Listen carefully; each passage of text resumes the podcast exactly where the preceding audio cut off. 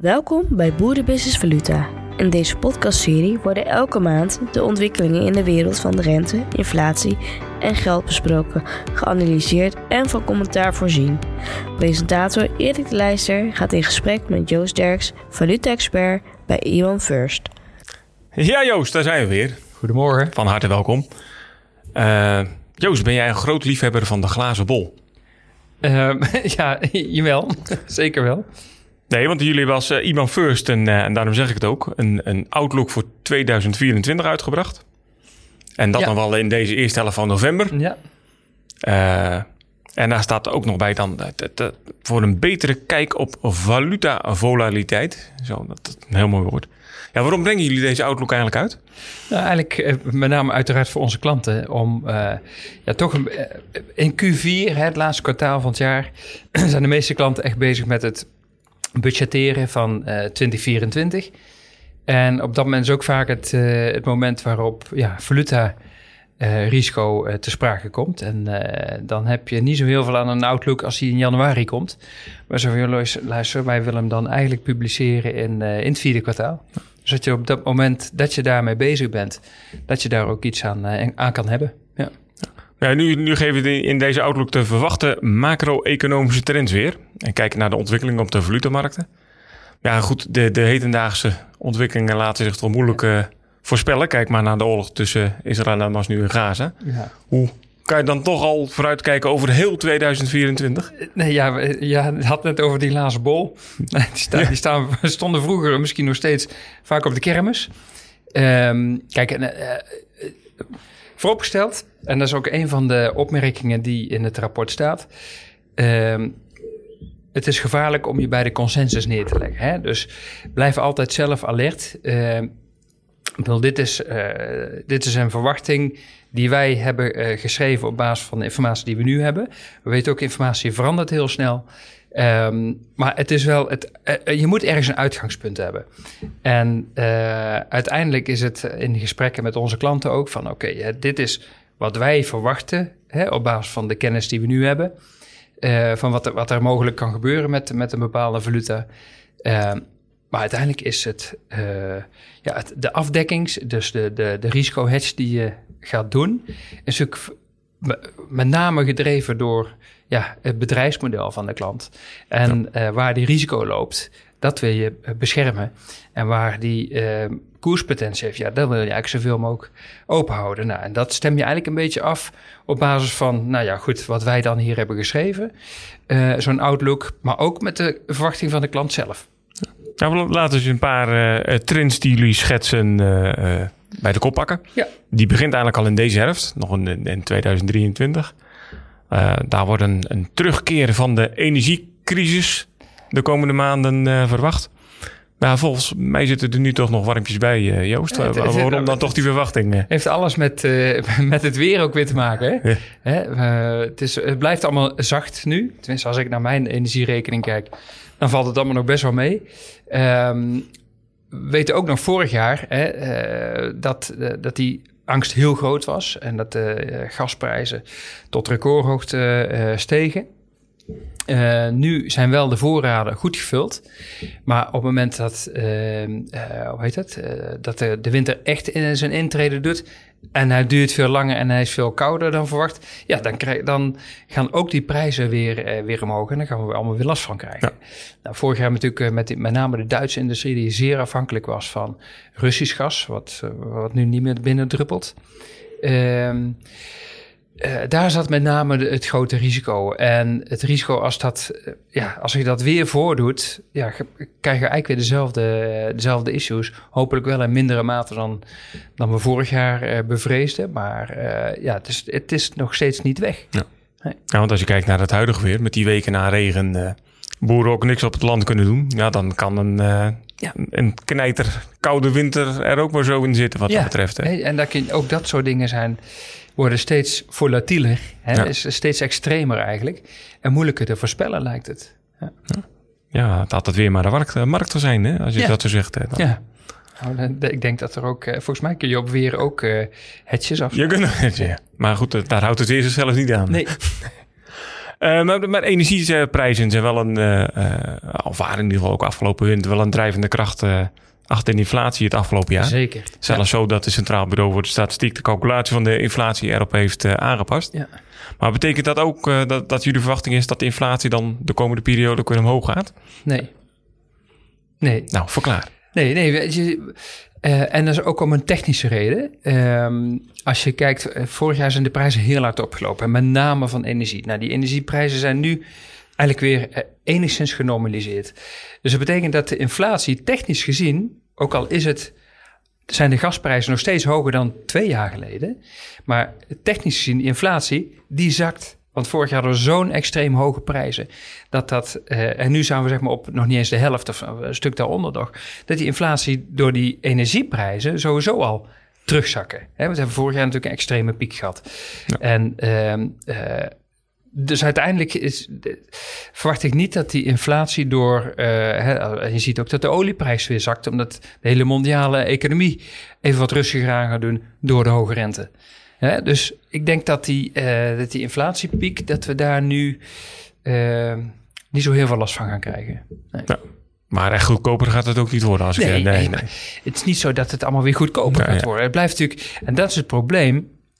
Die prijzen zijn opgelopen en die blijven nu, die stabiliseren nu. Het loopt gelukkig niet verder op. Eigenlijk zouden we liever hebben dat het even weer wat ging, uh, zou gaan zakken. Maar ja. dat is altijd weer wat, uh, wat moeilijker. Nou, want jullie uh, voorzien eigenlijk voor Europa uh, een ander probleem dan, uh, dan inflatie. En dat is eigenlijk de terugkeer van, van stagflatie. Ja. Voor Europa en voor het Verenigd Koninkrijk, zeg ik er gelijk even bij. Maar nu hebben we allemaal een, wel een beeld bij, bij inflatie. Maar wat, wat is stagflatie ook alweer precies? Nou, stagflatie is eigenlijk een zwakke economische groei. Of misschien zelfs een negatieve groei. Hè? Uh, maar nu wel een, een, zwakke economische groei gepaard gaande met inflatie. Dus dat betekent dat als je eh, als eh, ondernemer eh, die prijzen lopen, blijven oplopen, maar jouw omzet blijft hetzelfde. Of groeit heel licht. En dat betekent eigenlijk dat je achteruit kachelt, om het zo maar even heel plat te zeggen. Maar de economische groei is dus laag en de prijzen stijgen. Dat, is, dat noemen we stagflatie. Ja, en wanneer is... Stagneren de economie met, een, met inflatie. Dus maar eigenlijk hebben we daar nu toch al, uh, is daar nu toch al sprake van? Of gelden daar nog andere definities voor? Uh? Nee, de, uh, dus daar komen we ja. nu in. Ja. ja. Hè, dus je ziet dat die economische groei, die zwakt af. Terwijl de inflatie nog ja, relatief hoog, ja, nog veel te, te hoog is. en niet bij die 2% zit. Want 2% is prima over de lange termijn. Nou, we weten ook, het, het schommelt er altijd omheen. Je kan het niet kunstmatig op die 2% vasthouden. Dat, dat, gaat, dat is een illusie. Maar eh, als we maar een beetje in de buurt zitten, is dat uh, voor de lange termijn prima. Ja. ja. Maar goed, hoe, hoe, kunnen we dan ons aan, aan stagflatie ontworstelen? Dat is dan altijd weer de, de volgende logische vraag. Ja, ja dat is, uh, als ik het antwoord wist, Erik, ja. dan uh, mocht ik misschien meedoen aan de verkiezingen. Je mocht zo een nieuwe minister worden van Financiën. Ja. Nee, maar dat, kijk, het, het um, economieën bewegen zich altijd met, met golfbeweging. Hè? Dus je hebt op een gegeven moment zijn we allemaal euforisch. En het is, ik denk het merendeel sentiment. Nu, hè, uh, na de corona, oh, toen mochten we allemaal weer los. En we hadden geld gespaard. Dus we gaven maar uit als, als, als, als dwazen, om het zo maar te zeggen. Dus uh, dat, de economie die ging als een raket weer omhoog. Hè, die herstelde van heel een scherpe daling, maar herstelde vrij snel van uh, uh, weer terug. Um, nu zien we dat eigenlijk die prijzen zo hard gestegen zijn door die overmatige vraag ten opzichte van de productiecapaciteit die we hadden, dat die prijzen, die remmen nu dat gevoel van euforie af. Ja. dus nu denken we, oh shit, uh, het gaat helemaal niet meer zo goed. Uh, ik moet even rustiger aan doen. Nou ja, dan krijg je dus eh, dat de, dat de, de vraag naar producten en diensten weer afremt. En dat betekent dus dat bedrijven minder omzet kunnen draaien. Ja. En dan zakt alles weer in. En dadelijk bodemt dat weer uit. En dan, en dan gaat het weer wat beter. Dan heb je weer zo'n zo'n upswing zeg maar, in de, in de conjunctuur. En dat is van alle tijden. Dus om het heel simplistisch zeggen, moeten we eigenlijk allemaal wat vrolijker worden. Nou, dat is sowieso uh, belangrijk, ja, denk ik. Ja, nee, maar... wel, wel moeilijk ook met dit weer, om er nee, bij te blijven. Maar, uh, uh, zeker, maar uiteindelijk is het... Um, ja, ook repareren, als, repareer je dak als de zon schijnt. Hè? Dus in de hoogconjunctuur zorg dan dat je je maatregelen treft... en je buffertjes ja. opbouwt voor als het wat minder wordt. Ja, maar daar zijn we nooit sterk in, hè? dat soort dingen. Zeker ook de politiek niet, hè? Maar dat is wel eigenlijk ja, heel, heel simpel. Boerenwijsheden van vroeger, ja, die gelden eigenlijk gewoon nog steeds. Ja. Het, is heel, het, is, het is allemaal niet heel ingewikkeld. Dat zou ik me net zitten bedenken. Ook, ook wat jij zegt van, van dingen die de economie beter eh, helpen of vooruit helpen. Dat het eigenlijk eh, helemaal geen verkiezingsonderwerp is, hè, wat dat betreft. eh. Nee. Dat, dat komt nergens in het debat dan ook naar voren. Terwijl dat juist de essentie is om Daar zou het eigenlijk vooruit te gaan. Ja. toch? Om, om te zorgen dat je weer, dat er weer toekomst is. Dat, dat is denk ik belangrijk. Ja. Nou, misschien moet je het toch nog even inbrengen, eh, Ja. Joost. Nee, ik ben geen politicus. Dat is niks voor mij. Nee, ge- geen post in het nieuwe kabinet. eh. Nee, nou. nee dankjewel. Ehm, nu is de inflatie in Europa, maar zeker ook in het Verenigd Koninkrijk. eh, dat, daar geven jullie de outlook aan dat er zelfs nog sprake is van een, een hogere dosis, om het Ja. maar zo, zo aan te geven. Terwijl ze daar nu juist een, een, een, een- redelijk wat op waren gebeurd. Dat ze de- vermoeden dat inflatie wat eh, eh, beter onder de duim wordt gehouden. Of in ieder geval naar redelijke proporties is, eh, is gedaald. Ja, hoe, hoe- kan zo'n Britse patiënt dan ook weer beter worden? Ja, Want daar zitten problemen nog dieper dan hier. Ik denk dat dat iets meer tijd nodig heeft, eerlijk gezegd. Ehm, en je ziet inderdaad, natuurlijk, die inflatie is ook aan het zakken. Ehm, vanaf dat hoge niveau komt dat weer terug. Puur, enerzijds ook puur technisch gedreven. Maar anderzijds ook, eh vanochtend zijn de retail sales uitgekomen uit Engeland. Die waren ook weer slechter. Hè, dus de economie die krimpt ook nu. Dus de vraag naar goederen daalt. Nou ja, als de vraag daalt, gaan ook de prijzen. Eh, Als het vraag en aanbod weer... eh, als er meer aanbod dan vraag komt, laat ik het zo stellen... dan zakken de prijzen ook weer. Dus dat... ehm, maar goed, je moet ook zorgen dat je niet in die negatieve spiraal terechtkomt. Eh, en dat houdt de Bank of England natuurlijk ook goed in de gaten. Eh eerste eh, ehm, zorg voor ze is om die inflatie terug echt naar beneden te krijgen. Maar op een gegeven moment zullen zij ook weer het rentewapen gebruiken om de economie Ja. weer hoop te geven. Hè? Om die economie weer aan te zwengelen. Want je moet ook niet te ver naar beneden drukken, want dan maak je de economie helemaal kapot. Dan gaan de bedrijven over de kop en dan ja, ga dat maar eens herstellen. Dat duurt nog langer. Ja, met rentewapen bedoel je renteverlagen. Ja, ja, ja. ja. ja. En dat is eigenlijk wat waar nu de markt alweer. Ja, markten Hoppa. kijken altijd weer vooruit. Hè. Dus met ieder cijfer denk ik, oh, nou, de kans op een renteverhoging of renteverlaging die verandert weer. En dat wordt dan meteen weer verdisconteerd. Ja. Ehm, en daarom is het ook altijd zo volatiel, want het is geen exacte wetenschap. Ook die cijfers eh, en sentimentindex, ja, dat is gewoon. Sentiment is, Ja. me- is mensenwerk, hè? Ehm, en cijfers, ja, die reageren vertraagd. Dat ze ach- eigenlijk achteruit kijken. Maar als je zo een beetje hoort, is in het Verenigd Koninkrijk ook wel sprake van een, een klassieke recessie, om dat Ja. zo te noemen. Eh, en dat je ook beter aan de knop kan draaien op het moment dat het weer hoger gaat. Ja, kijk, en het Verenigd Koninkrijk hebben we natuurlijk daar hebben we het al eh, veel eh, vaker over gehad. Die hebben natuurlijk nog steeds hè, die, naweeën van dat Brexit-verhaal. Ja. Ja, wat mag je niet hard zeggen daar natuurlijk. Wat, wat Ja. ze parten speelt. En dat duurt, dat ettert gewoon heel lang door. Dat merk je gewoon. En dat, die, die recessie in, in, in de UK is gewoon dieper dan in Europa. Ja, terwijl ondanks de, de, ja, de, de, economische koorts in de, in de UK, om het zo te noemen, en de verkoudheid in, eh, in Europa, blijft Europond wel zeer stabiel. Eh, jullie, no- de- Ja. nou, Ja. dan geven jullie nou wel ja, een, een van de meest saaie valutaparen Ja, eh, van, van de bekende paren die er zijn. Ja. Je gaf ook aan, joh, dat, dat blijft het komende jaar waarschijnlijk ook zo. Ja. Hoe, komt dat, dat, daar eh, zo weinig eh, beweging in zit? Ja, we denken dat die ehm, eh, eigenlijk een beetje in de bandbreedte 86, 88 eh, zal fluctueren. De reden daarvoor is eigenlijk ook omdat Engeland natuurlijk vrij nauw, ondanks dat we gescheiden zijn, wel nauw verbonden is qua handel met Europa. En ook de centrale banken kijken natuurlijk heel goed naar elkaar. We denken niet dat die centrale bankbeleid heel ver uit elkaar gaat lopen tussen Engeland en, en Europa. Eh, en dat is eigenlijk de reden waarom we denken dat dat ja, een relatief rustige eh valuta zal zijn. En niet dat dat heel erg uit de hand gaat lopen. Dus die lopen eh, mooi met elkaar in de pas. Ja, Ja, ook- nou ja, goed, niet alleen het. wat, we blijven een beetje in het economische ziekenhuis. Dat, Ja. Zo staat dat ook in jullie, in jullie outlook verwoord. Want niet alleen de, eh, Europa en het Verenigd Koninkrijk eh, hebben koorts. Eh, maar ook eh, eh, China neemt Ja. als patiënt een, een prominente plek in in jullie, eh, Ja. Eli Outlook. Ja, wat, om het maar eventjes aan, aan dokter Derks te vragen. Wat mankeert China? Nou ja, China mankeert uh, een aantal dingen. We hebben natuurlijk een, een grote vastgoedprobleem uh, daar. Um, en vastgoed is belangrijk voor het... Ja, het welzijn en het, ja, het vermogen zeg maar, van de Chinese uh, inwoners. Een groot deel van hun vermogen zit eigenlijk in, in, vastgoed. Um, en omdat dat uh, onder water komt te staan. Nou, we hebben het een aantal. Uh, is het 2008 hè, de financiële crisis in, in Nederland natuurlijk ook gehad.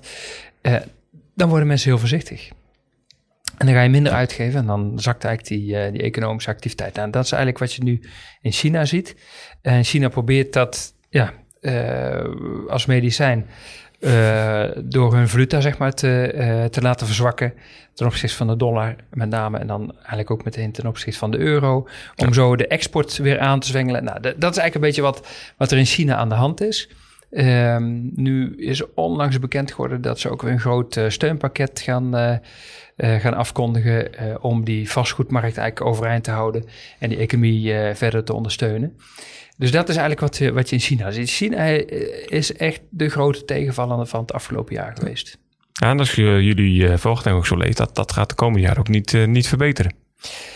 Of? Nee, ook dat soort dingen zijn, hebben, hebben tijd nodig. Uh, ook om het vertrouwen van de Chinees zelf weer, uh, weer terug te krijgen. Uh, want die zien natuurlijk ook van, ja, weet je, zo'n groot vastgoedbedrijf wat, wat omvalt en wat om honderden miljarden gaat. en er is heel veel gebouwd in China. Ja. We, kennen het Heel veel spooksteden. Ja. Hè? Um, dus dat, uh, de vraag is of dat heel snel gaat herstellen, zo'n vastgoedmarkt. Over het algemeen duurt dat weer even. Hebben we het in ja. Nederland natuurlijk ook gezien. Hè? We hebben natuurlijk in 2008 met die financiële crisis... dat ja, het merendeel van de huizen, of hypotheken zo moet je het eigenlijk zeggen... onder water stond. En uiteindelijk komt het allemaal weer goed. Hè? Dan, dan, dan, dan, de inflatie maakt dat soort dingen eigenlijk alweer weer goed op termijn. Maar dat heeft in die tussentijd wel voor gezorgd dat de economie heel langzaam groeide, omdat we allemaal benauwd waren. Daar, dat is ook de reden waarom de rentes naar nul zijn gegaan destijds. Maar goed, de, de, de China wordt heel, is, is heel vaak de motor van de mondiale economie genoemd. Nou, die, die motor hapert nu. Ja. Nou, en in Europa, Verenigd Koninkrijk, bij, bij ons uh, zijn er ook problemen uh, die in de impuls uh, verwachten. Ja, waar, waar kan dan die, die om maar weer in patiëntentermen te blijven, die economische injectie uh, vandaan komen. Ja, nou ja, de, we zien de Amerika, die uh, blijft ons verbazen. Hè, met, een, uh, met een economie die zeer veerkrachtig is. Al komen daar nu wel de eerste ja, scheurtjes, scheurtjes in ja, eigenlijk. En dat is ook niet zo gek, hè, na 18 maanden renteverhoging van 5%. Um, dus op zich is het niet gek dat die economie daar dadelijk ook even wat rustiger aan gaat doen. Uh, en uiteindelijk is het, uh, denk ik, in het, als je het totaalplaatje kijkt, gewoon herstructurering van, van schulden. Zorg dat die, de, de, de schulden weer onder controle komen. En dan kan je weer gaan uitgeven. Ja. Maar schulden onder controle in de Verenigde Staten, die, ja, die, die dat... blijven maar oplopen, toch? ik ja. weet het. Ja, en de, en de, de, uitdagingen voor de, voor de Verenigde Staten is natuurlijk dat de afgelopen tien jaar is die rente daar ook rond hè, bijna nul geweest. Um, en dan is het makkelijk financieren. Maar als je rente in één keer naar vijf en een kwart gaat, of vijf en een half als je de uh, moet lenen bij de centrale bank, ja, dan wordt het natuurlijk wel een ander. Dan zijn die rentekosten, ja, die spuiten door het dak. Ja. He, dus die, eh, die rentelast is, ik geloof dat die al bijna net zo groot zijn als hele defensieuitgaven op de tekorten van, uh, van de VS. Ja. ja. dan hebben we het echt over heel serieuze bedragen. Ja, en, dat is, gaat het bevattingsvermogen bijna te boven. Ja, ja, ja. Ja, daar moet je maar niet te veel over nadenken. Nee, nee. is. En van de andere kant heeft natuurlijk Amerika ook een ontzettende, en dat vergeten we vaak, een gigantische verdiencapaciteit. Ja. Nu, maar nu hebben we wel om even op China terug te pakken. Ja. Uh, want jullie hebben een mooie tijdlijn gemaakt van uh, belangrijke gebeurtenissen ja. voor 2024. Daar stonden onder meer de presidentsverkiezingen in, uh, in Taiwan staan erbij. Ja, in januari. In januari. Ja ik kan wel aanvoelen waarom dat belangrijk is. Ook in de relatie China-Verenigde Staten. Ja. Daarom ook even deze koppeling. Maar waarom hebben jullie wel echt specifiek benoemd als ook een belangrijk moment voor monetaire, economische nou, wereld? Uh, het, is, het, is, met name uh, uh, politiek. Hè? Politiek heeft ook invloed op de, op de valuta's. Um, nou, we hebben net dan die, die top gehad tussen uh, Biden en Xi in, in, in de Verenigde Staten. Die was heel goed gegaan. Maar een kleine ongelukkig... Ja, nou ja. Altijd bij Joe Biden. Kan, ja, dat kan altijd gebeuren bij Joe Biden, blijkbaar. De dictator, ja. Ja, maar uh, uiteindelijk is dat natuurlijk wel een heikel punt, dat Taiwan. Uh, in Nederland hebben we er ook last van. Hè? Met, met een ASML die dus de chips, uh, maar beperkt mag uh, exporteren naar China. Dus dat hele geopolitieke vraagstuk, ja, dat is, dat is als je over complex hebt, is dat er ook eentje van. Ja. Maar dat is dus wel eentje die, waarvan wij denken van, joh, hou dat wel in de gaten, want het kan wel wat reuring geven weer in die markten. Ja, ja, dat is zeg maar de partij die uh, ja, meer vrijheid voor Taiwan of autonomie voor Taiwan ja. zelf wil daar aan de, aan, aan de macht komt. Ja. ja. dan, dan zijn om het met heel flauw de pop aan het dansen. Ja, dan krijg je daar weer gewoon spanningen. Ja. En dat, uh, nou ja, dat levert weer, uh, weer spanning op de vloedermarkt ook automatisch op. Ja. Ja, want andere pinpoints in, voor 2024 zijn bij jullie ook de, de Amerikaanse presidentsverkiezingen. Om ook even in de Verenigde Staten te blijven. Daar hebben jullie verschillende momenten geprikt van het bekend worden van de kandidaten voor de Democraten en Republikeinen. Tot uiteraard de verkiezingen in, uh, in november. Bijna over een jaar, denk ik. Hè? Ja, zo over een jaar. 4 november, 5 november of 5 november is dat altijd. Over een jaar uh, zelf. Ja, wat, dat, wat zijn jullie verwachtingen wat dat qua stabiliteit gaan geven? Want uh, nu was Biden wel een, wellicht een toonbeeld van stabiliteit, maar wellicht iets te veel. Ja, en kijk, Trump is natuurlijk weer de andere, heel de ja, andere kant. Kijk, uh, Biden probeert op, op wereldniveau zeg maar, de, de, de rust wel weer uh, te bewaren. Hè? En, en niet te veel vijanden te maken. Um, en Trump heeft daar minder moeite mee. Ja. ja maar goed, het, ik ben heel benieuwd wat, wat daar gaat gebeuren met de verkiezingen. wat ik links en rechts hoor. Je hebt natuurlijk een aantal staten die zijn sowieso republikein. Een aantal staten zijn sowieso democraat. En je hebt een aantal swing states. Ja. Maar goed, ik sprak pas ook iemand zeg, joh, je vergist je in hoe de Amerikanen kijken naar Trump. Wij als Europeaan eh, kijken compleet anders naar die man. Ja, ja.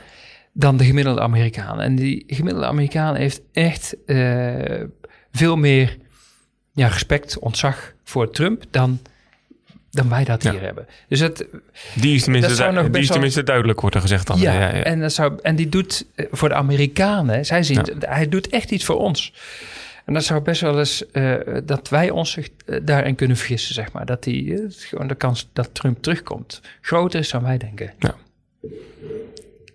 ja dat is een... en wat zou dat betekenen voor de markt aan zich?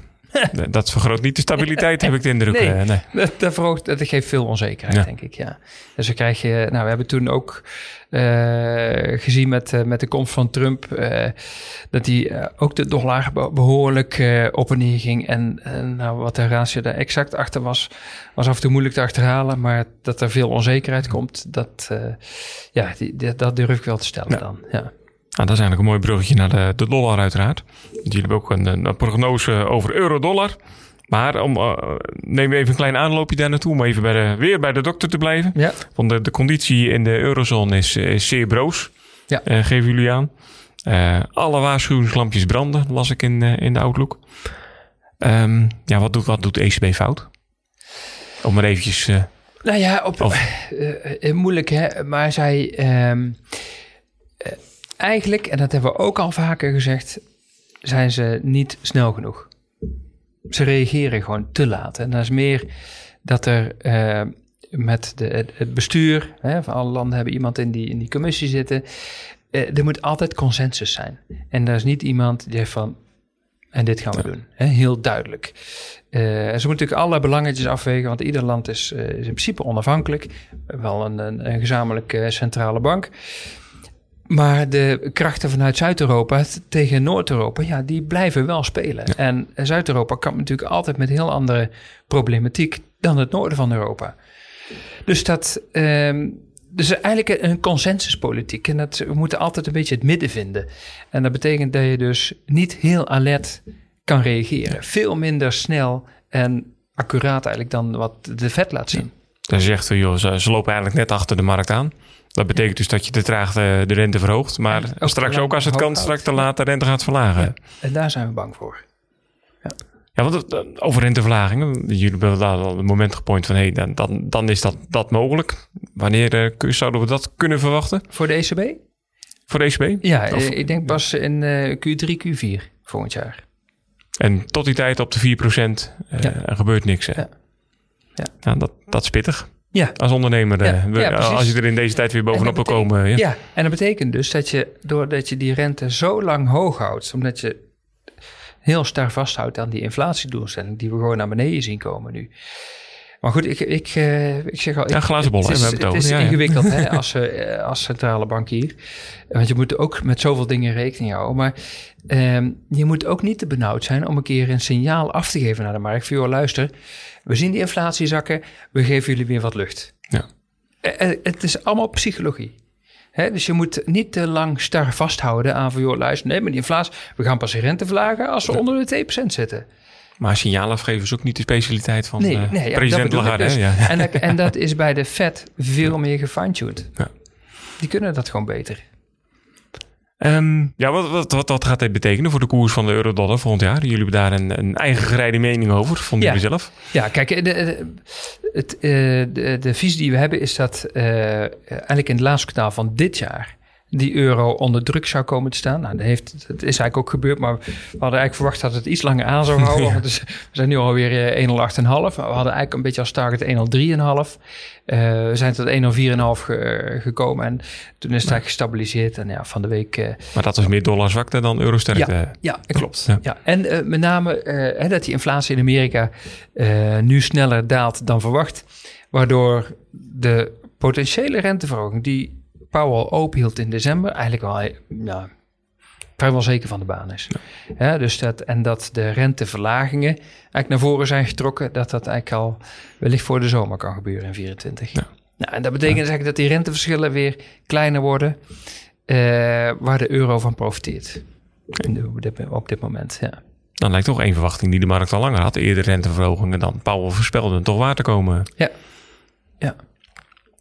Ja, dan had ik eigenlijk volgende. Ik wilde vragen, van, die, die, want de, drie zijn de belangrijkste centrale banken komen medio december weer bijeen. Ja. eh, voor de korte termijn. Nou, eigenlijk heb je van de Fed en de ECB hebben die vraag al beantwoord. Wat gaat er besloten worden? Niks. En eh, wat zou de Bank of England doen? Hetzelfde. Dus eh, heel saai. Heel saai. December Steady eh, koers. wordt het. Ja, het wordt heel saai. Ik denk dat er helemaal dat er eh, geen enkele centrale bank in beweging komt nu. Ja. Dus eh, ja, het blijven donkere dagen, maar dat wordt niet extra donker of Nee, eh, geen lichtpuntje. eh, eh, geen vuurwerk van de centrale banken, denk ik. nee.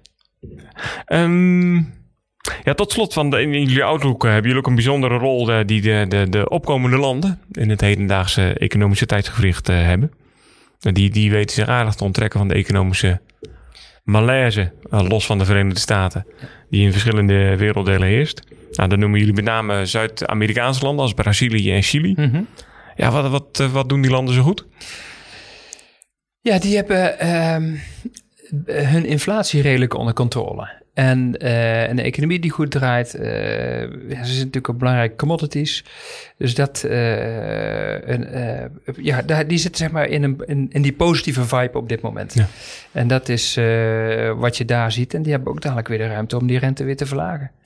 Maar is dat een bewust beleid van die landen of gewoon puur toeval dat het economisch nu voor de Nee, wind ja, eh, eh, eh, beide. Hè. Het is de conjunctuurcycli in de verschillende landen zijn ook niet op elkaar afgestemd. Hè. Dus die, Ja. die gaan ook hun eigen gang. Dus het is niet zo dat de hele wereld hetzelfde reageert op alles. Hè, dus, dat, dus die staan eigenlijk wel wat losser zeg maar, van de ontwikkelde economieën. Ehm, of gaan juist precies tegenovergesteld. Want dat zie je natuurlijk ook vaak. Maar jullie noemen in dat perspectief wel de, de, de Braziliaanse real een, een onderbelichte valuta. Ja. Ja, waar- waarom is dat zo? Ja, eh, eh, enerzijds omdat het natuurlijk heel moeilijk in te handelen is, want het is een, ook een volledig gereguleerde ja, ja. valuta. Ehm, dus je kan er eigenlijk niet zo heel veel mee. Maar eigenlijk als je, eh, ja, Brazilië is gewoon een ontzettend groot land. Met een, eh, ja, een behoorlijke economie, veel grondstoffen.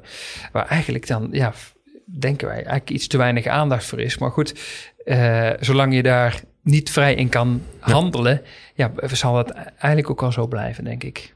Dus ja, als jij minister van Financiën in Brazilië was geweest, dan had je het wel geweten. Gooi het open. Ja, ja, waarom houden ze het uiteindelijk gesloten? Is dat...